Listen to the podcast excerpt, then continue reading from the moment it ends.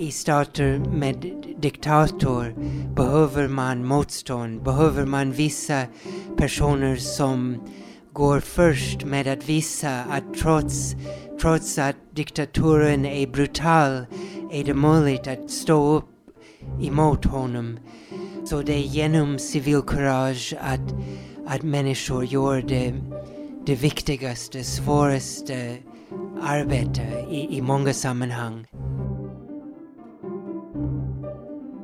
Brian Palmer är forskaren som försöker skapa bättre människor. Men det handlar inte om att ta fram nya mediciner eller en succékost, utan att göra oss mer empatiska och modiga. Han är Harvard-forskaren som höll skolans populäraste kurs och som rekryterades till Uppsala universitet för att vara med och forma studenter till goda samhällsmedborgare. Och som expert på civilkurage är han en efterfrågad föreläsare världen över. Du lyssnar på det nionde avsnittet av Forskarpodden som görs för Uppsala universitet av mig, Niklas Norén och min kollega Jonas Lövenberg.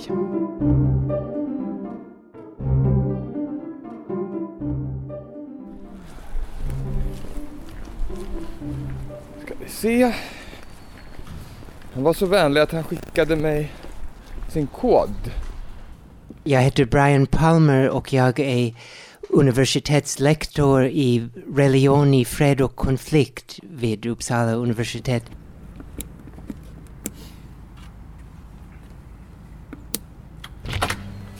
Okej. Vad är det du forskar på? Mest är det frågor om civilkurage, om att ta risker för att eh, hjälpa eller, eller stödja personer utanför egen familj och vänkrets. Eh, eller för att försvara en, en gemensam ideal som till exempel demokrati. Så då är det bara en trappa. Ska jag gissa ändå? Ska Ja. gå? Ja, Eller ska vi åka? vi går, vi går. Men vilket håll då? Eh, här. civilkurage smittar när vi får höra om andra som har tagit stora risker för andra blir vi, vi själva mer benägna att göra altruistiska handlingar. Då är det en, en viss nytta i att studera och, och skriva om dessa människor för att, att den kan uh, uppmuntra positivt handlande i samhället. Så, så man kan säga att din forskning handlar mycket om att, att påverka människor till att bli bättre människor då?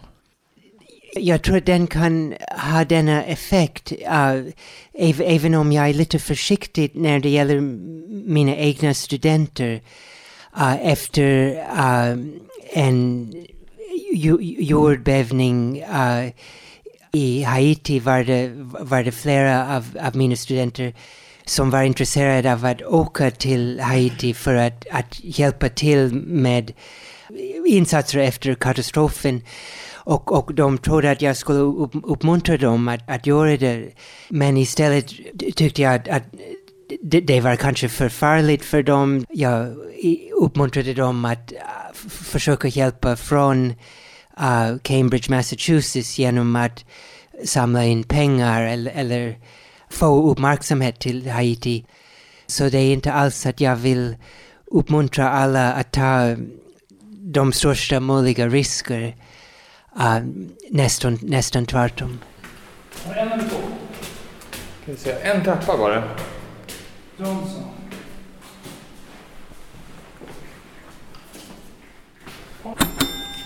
Vi sitter nu i ditt kök eh, här i Stockholm och vi har- hördes ju av lite tidigare på morgonen du och jag Brian och du var lite trött sa du. Vad, vad är det som, eh, vad är det du har varit med om här i natt?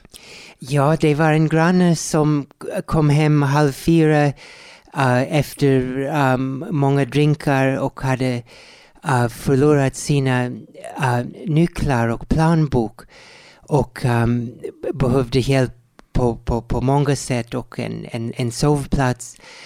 Min re- reaktion var precis som, som många andra, att jag först tänkte, oj, är, är det inte någon annan som kan hjälpa honom? Nej, det är jag som är, är vaken och, och borde göra det. Och um, då, jag hoppas att det inte blir allt för, för komplicerad, att det inte tar för många ti- timmar. Men, men det, det tog många timmar. Det, och, och, och, och, och så är livet att, att vi, vi ofta äh, uh, undviker sådana uh, äh, situationer där andra behöver vår hjälp. Uh, precis med tankar på, på tidsbrist. Det var en studie i New Jersey ganska nyligen om varför folk inte ställer upp för att hjälpa någon vid, um, vid, vid vägkanten som, som behöver hjälp. Och det, det är en ganska klassisk studie som har, har gjorts dussintals gånger i olika sammanhang.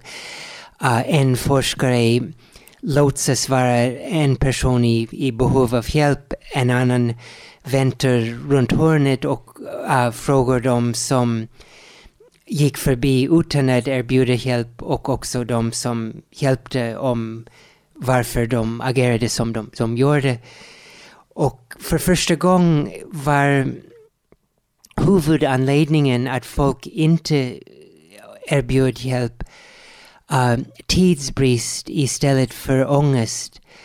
Man vet inte hur en sak leder till en annan. Jag kanske måste följa med denna person till sjukhuset eller till polisen. Jag, jag, jag hinner inte. Mitt liv är alltför fullpackad. Du, jag tänker tillbaka till den här, eh, din, din situation här i, i, i natt, du med den här grannen. Eh, när, när, du öppnade dörren och hjälpte den här grannen som hade låst ute, agerade du, var det, var det civilkurage? Inte särskilt. Det var inte en, en främmande människa och uh, med grannar är det en, en viss förväntan att folk hjälper varandra. Så det var inte klassisk civilkurage där, där det sträcker ut till personer som sannolikt inte kommer att betala tillbaka.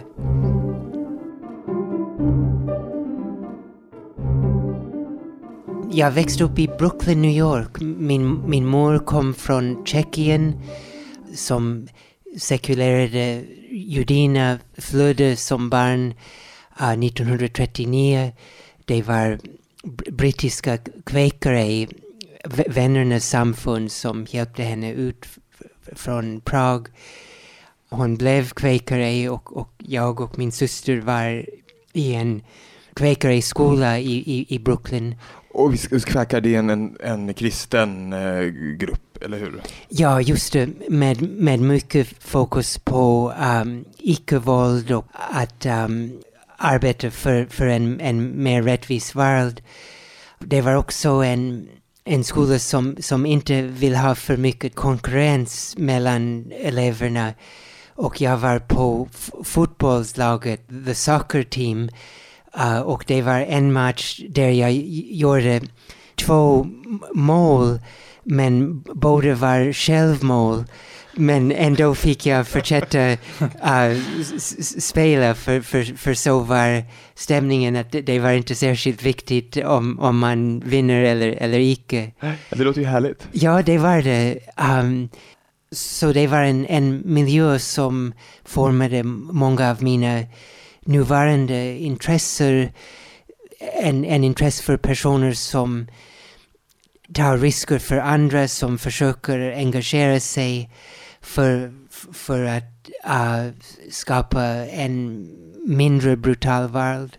Och då studerade jag social studies, blandad samhällsvetenskap på Harvard och fortsatte med uh, att doktorera i social antropologi men det var redan som student eh, att jag fick träffa Olof Palme när han kom till Harvard den 3 april 1984 för att föreläsa om, om eh, Sveriges samhällsmodell och, och fackföreningsrörelse i Sverige. Och uh, jag fick prata med honom tillsammans med några andra studenter efter föreläsningen och slogs av hur otroligt hoppfull han var. Uh, jag frågade om kärnvapenkrig. Han svarade att mänskligheten säkert kommer att, att hitta någon väg till avrustning. Uh, att, att, att, att det var bara en, en, en tidsfråga till, tills vi löser den. Men då blev jag nyfiken på Sverige och um, sökte ett stipendium uh, från Fulbright att bli gäststudent på SIPRI, Fredsforskningsinstitutet, blev allt mer intresserad av Sverige, uh, skrev en avhandling om solidaritetsidealet i Sverige. Då var jag tillbaka på Harvard några år, men blev, blev kär i en stockholmska och hon och jag uh, flyttade till Sverige um, 2004 och um, jag har varit här sen, sen dess. När du väl undervisade på Harvard så höll du en av de eh, kurser som, som ansågs populärast på skolan. Hur gick det till? Det var en kurs som, som började några dagar efter 11 september. Under denna vecka var det många studenter som tyckte att en kurs om hur man kan kämpa för, för en, en bättre värld var precis vad de behövde. Och då um, var det också så att, att jag skapade en utformning för kursen där vi intervjuade olika gäster om deras sätt att, att leva inför andras lidande. Uh, vi hade gäster som Naomi Klein och Noam Chomsky bland andra. Och, och, och detta också um, attraherade många studenter. Så det blev ah, um, 612 studenter i kursen uh, en termin och, och um, liknande siffror närliggande termin. Hur gick du nu då från att hålla Harvards populäraste kurs till att hamna i, i Uppsala och Sverige och undervisa, undervisa här? När jag kom till Sverige fick jag vara sommarpratare i, i P1 um, redan första sommaren jag, jag var här att prata om att vara en lyxinvandrare. Men då var det um, Uppsalas dåvarande rektor som uh, lyssnade till programmet och tog kontakt med mig. Jag hade fått ett jobb vid Lärarhögskolan i Stockholm och uh, efter ett år där rekryterades jag till till Uppsala uh, av, av, av, av rektorn. Aha. Så, vilken, uh, vilken bra, så det, det var som en arbetsannons då? Den här, den här ja, det, ja. Det, det, det, det funkade så. Ja. Um, uh, det, det, det, var inte meningen. Ah, men men uh, jag var...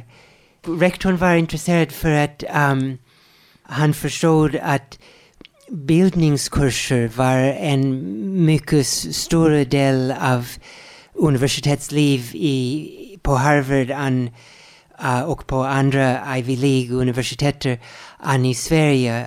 Att i USA är det um, normalt för studenter att göra ungefär 25 procent av sina kurser i form av bildningskurser utanför huvudämne kurser som tar upp um, samhälleliga, etiska frågor eller som uppmuntrar uh, teknikstudenter uh, att studera litteratur eller litteraturstudenter att studera teknik.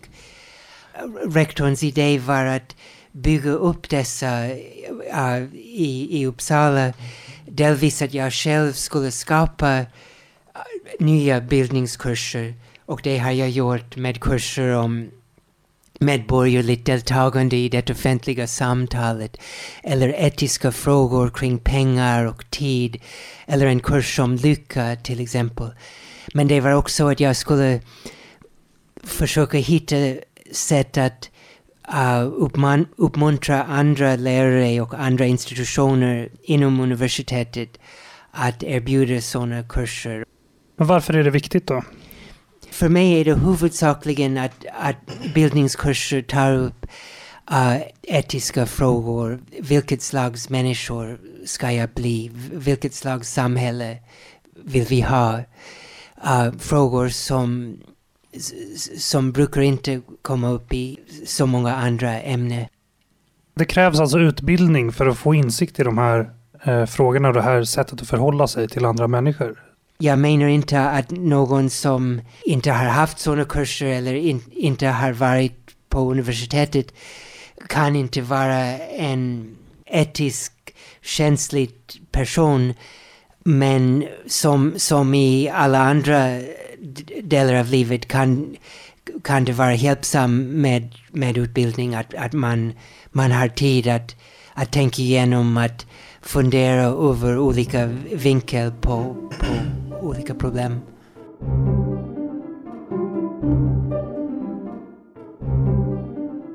Du är ju kanske främst känd för att du har forskat och föreläst om civilkurage.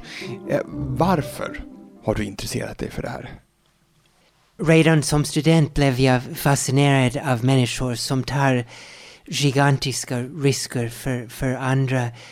Jag minns hur, hur jag läste artiklar om till exempel en kvinna som simmade ut för, för att rädda någon annans barn och, och, och drunknade under försöket. Hur, hur, hur är det att människor är beredda att ta sådana risker? Denna fascination har jag tagit med mig uh, under alla dessa år tills, tills idag och, och, och, och det är fortfarande för mig lite grann ett, ett mysterium. Vad är det som, som får människor att ta de här kliven? Om, om vi tittar på de som räddade judar under, under andra världskriget där, där är det tusentals människor. Så vi kan se vissa statistiska mönster. De som räddade judar ofta kom från familjer där de fick träffa personer från andra kulturer och, och religioner redan uh, under barndom. De som räddade judar ofta kom från familjer och skolor som var inte särskilt riktad mot lydnad. Då var det ofta människor som hade en stark eh, uh, personlig övertygelse av något slag. Det kunde vara religiös eller sekulär. Och då kan man nämna att en majoritet av de som räddade judar var kvinnor. Och det är en resultat som håller i andra sammanhang. Till exempel om man tittar på vem som donerar um, ett njure till uh, personer utanför familjen och vänkrets uh, är det till stor majoritet kvinnor. Det här är ju goda exempel på civilkurage. Men och var, varför är civilkurage så viktigt i samhället? Då? Det är viktigt för att den möjliggör mycket av det, det, det, det svåraste arbetet. Till exempel att vi behöver um, undersökande journalister. Vi behöver journalister som är beredda att uh, åka till krigszoner och beskriva vad det är på gång där. I, i stater med diktator behöver man motstånd, behöver man vissa personer som går först med att visa att trots, trots att diktaturen är brutal är det möjligt att stå upp emot honom. Så, så, så det är genom civilkurage att, att människor gör det, det viktigaste, svåraste arbetet i, i, i, i, i många sammanhang. Hur bra är svenskarna på civilkurage? Vi har inget bra måttstock över, över civilkurage. Men vi kan titta på uh, någonting som är närbesläktat till civilkurage, som är det sociala kapitalet. Graden av tillit och styrkan av, av förbindelser mellan medborgare i ett land. Man tror att länder med stark social kapital också har högre grad av, av civilkurage, för det är lättare att visa civilkurage om, om man tror att man kan lita på, på de flesta. Och när det gäller det sociala kapitalet är det exceptionellt hög i, i Sverige och hela Skandinavien den, den sjunker i, i nästan varje uh, industriland. Men den, den, den sjunker långsammare i Skandinavien än i andra delar av, av världen. Min bedömning är att det, det, det är lite eh, samma sak för civilkurage. Att det sjunker, det här sociala kapitalet, varför gör det det? Delvis kan, kan det ha, ha med um, mobiliteten, att människor har, har mindre klara gemenskap, flyttar mer ofta, flyttar till stora städer. Uh, det kan ha med uh, tidskänslan och tidsbrist att göra. Är det människans natur att vara modig och hjälpsam eller är det någonting vi lär oss? Det, det är både och för att de flesta kulturer uppmuntrar till en viss grad av civilkurage, uppmuntrar människor att ta risker för andra i, i vissa sammanhang. Uh, och um, vi ser att uh, samhället ofta firar dessa personer och kallar dem för, för hjältar. Att visa civilkurage är bland det finaste som en, en, en människa kan, kan göra. Och, och vår, vår uppskattning för, för sådana människor kan också ha evolutionära rötter. Det här argumentet handlar ju nästan om något belöningssystem. Alltså dels att man, man får uppskattning och sen så att man överlever. Mm, mm. Men är man skyldig att hjälpa andra människor? I min uppfattning är, är vi skyldiga att använda våra liv på ett sätt som minskar uh, världens grymhet, som, som minskar graden av, av våld och brutalitet i, i, i, i världen. Men det, det blir då en, en fråga om ska vi alla använda 100% av vår kraft för att stoppa eh, krig och svält? Eller får vi välja andra fokus för, för, för våra liv också? Jag pendlar mellan olika uppfattningar på, på denna fråga. Jag, jag är mest um, påverkad av den, den franska filosofen Simone Weil vems bild jag har här på, på, på väggen i, mm. i, i, i köket. Ja, Brian pekar på kalendern på, på väggen i köket. Ja. Uh, och um, i teori tyckte hon att, att vi behöver inte rikta oss bara till, till, till lidandet och, och våld. Men i praktiken hade hon i, i, i sitt liv en sån riktning. Och vad tycker du? Um, att, um, att, att ni, ni ser att jag är, jag är uh, tvådelad. Uh, jag är osäker på dessa frågor. Det, det, det var en, en författare, E.B. White, som skrev I arise in the morning torn between a desire to improve the world and a desire to enjoy the world. This makes it difficult to plan the day. Okay. Men det, det, låter som det är någonting som ja. du kanske håller med om, eller? Absolut. Ja. ja. Okej, okay, då får, det får bli ditt svar nästan. Ja, jag tror det. Jag tror det. Um, och, och uh, vi hänger oss kvar lite vid det här med, med att, att hjälpa till och sådär. Mm. Um, nu för tiden så är det ju eh, väldigt, jag menar, alla går ju omkring med en, eh, en kamera och en, en filmkamera i sina fickor, i sina mobiltelefoner. Mm. Har du sett att det finns någon förändring där i vår vilja att, att hjälpa till? Är vi snabbare med att fota en olycka än att springa fram och hjälpa den som är drabbad? Har det skett någon liksom, förändring där? Det var ett fall i, i New York nyligen där, där någon uh, var på tunnelbaneperrong, ramlade ner på spåret och uh, när han uh, klättrade, började klättra upp tillbaka på perrongen förväntade han att, att se flera händer som var utsträckta för, för att hjälpa lyfta honom upp. Men istället var det en halvdussin iPhones som var riktade mot honom.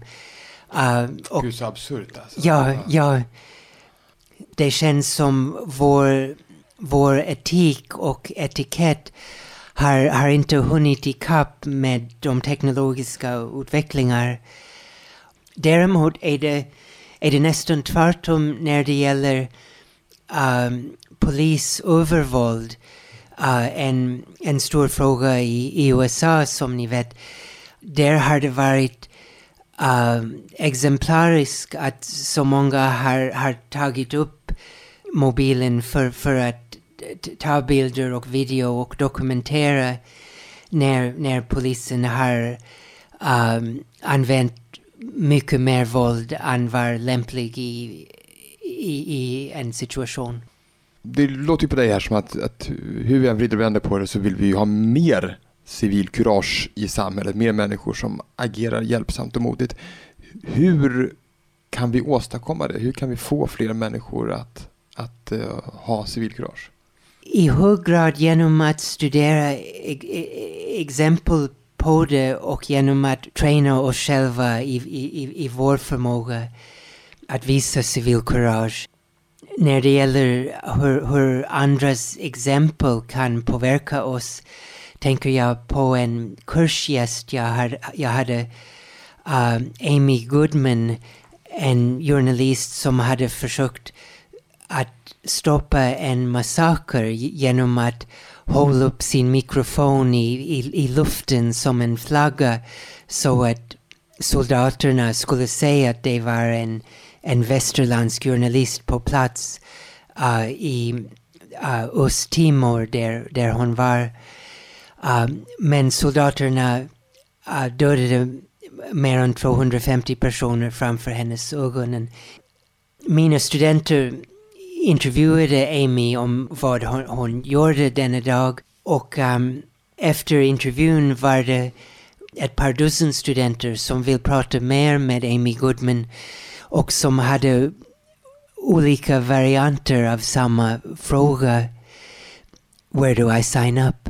Hur, hur anmäler jag mig? Får jag följa med dig nästa gång du ska göra en sån reportage? Vad borde jag studera här på universitetet om jag vill bli någon som du? Och vid detta ögonblick hade jag känslan att courage kan vara nästan lika smittsam som rädsla. Vad, vad blir nästa stora steg i din forskning? Uh, att ta upp frågan om kärnvapen och kärnvapens krig och varför den väcker så lite intresse hos människor. När man frågar amerikaner om detta får man ofta svaret Do we still have those things? och uh, många har känslan att uh, kärnvapen uh, försvann efter Ber Berlinmurens fall. Men faktum är att USA nu har budgeterat en miljard dollar för att bygga nya kärnvapen kommande tio år. Så um, det, det, är inte alls ett problem som, som ligger bakom oss. Vad jag är nyfiken på är varför detta problem är så osynligt. Uh, men men finns, det, finns det något sätt att bota detta, att vi kan ta upp eh, detta problem i, i den samhälleliga debatten igen. Det, det är målet med, med, med projektet. Tack för att vi fick komma till dig, eh, trots då att du hade bara sovit så himla lite. Eh, det, det, var jätteroligt att vara här. Tack ni båda, det var mycket roligt att, att, att få samtala med er och det var uppiggande att, att få dessa spännande frågor. Med de orden avslutar Brian Palmer, lektor vid Uppsala universitet, veckans avsnitt av Forskarpodden. Och Jonas, om lyssnaren kände att det här var ju toppenbra eller kanske att de hade en synpunkt som inte var precis toppenbra, hur gör de då, då för att höra av sig till oss? Ja, man kan skriva till oss på forskarpodden at gmail.com. Eller så kan man skriva i sociala medier, eh, valfritt socialt medie, eh, än under hashtaggen forskarpodden. Och då, då eh, svarar vi såklart. Eh, Ja. Och på hashtag forskarpodden så finns det lite bilder och grejer sedan tidigare som man kan titta Just på. det, kan man göra. I nästa veckas avsnitt träffar vi historikern Helene Lööw vid Uppsala universitet. Hon är en av Sveriges främsta experter på nazism och vit maktgrupper och hon är aktuell med en ny bok om svensk nazism under 2000-talet. Med henne ska vi också prata om de senaste årens angrepp på asylboenden och om vi med dem ser historien upprepa sig. Tack för oss. Du har hört Forskarpodden, en produktion av Piggelkott Media för Uppsala universitet med musik av Marcus Sjöblom.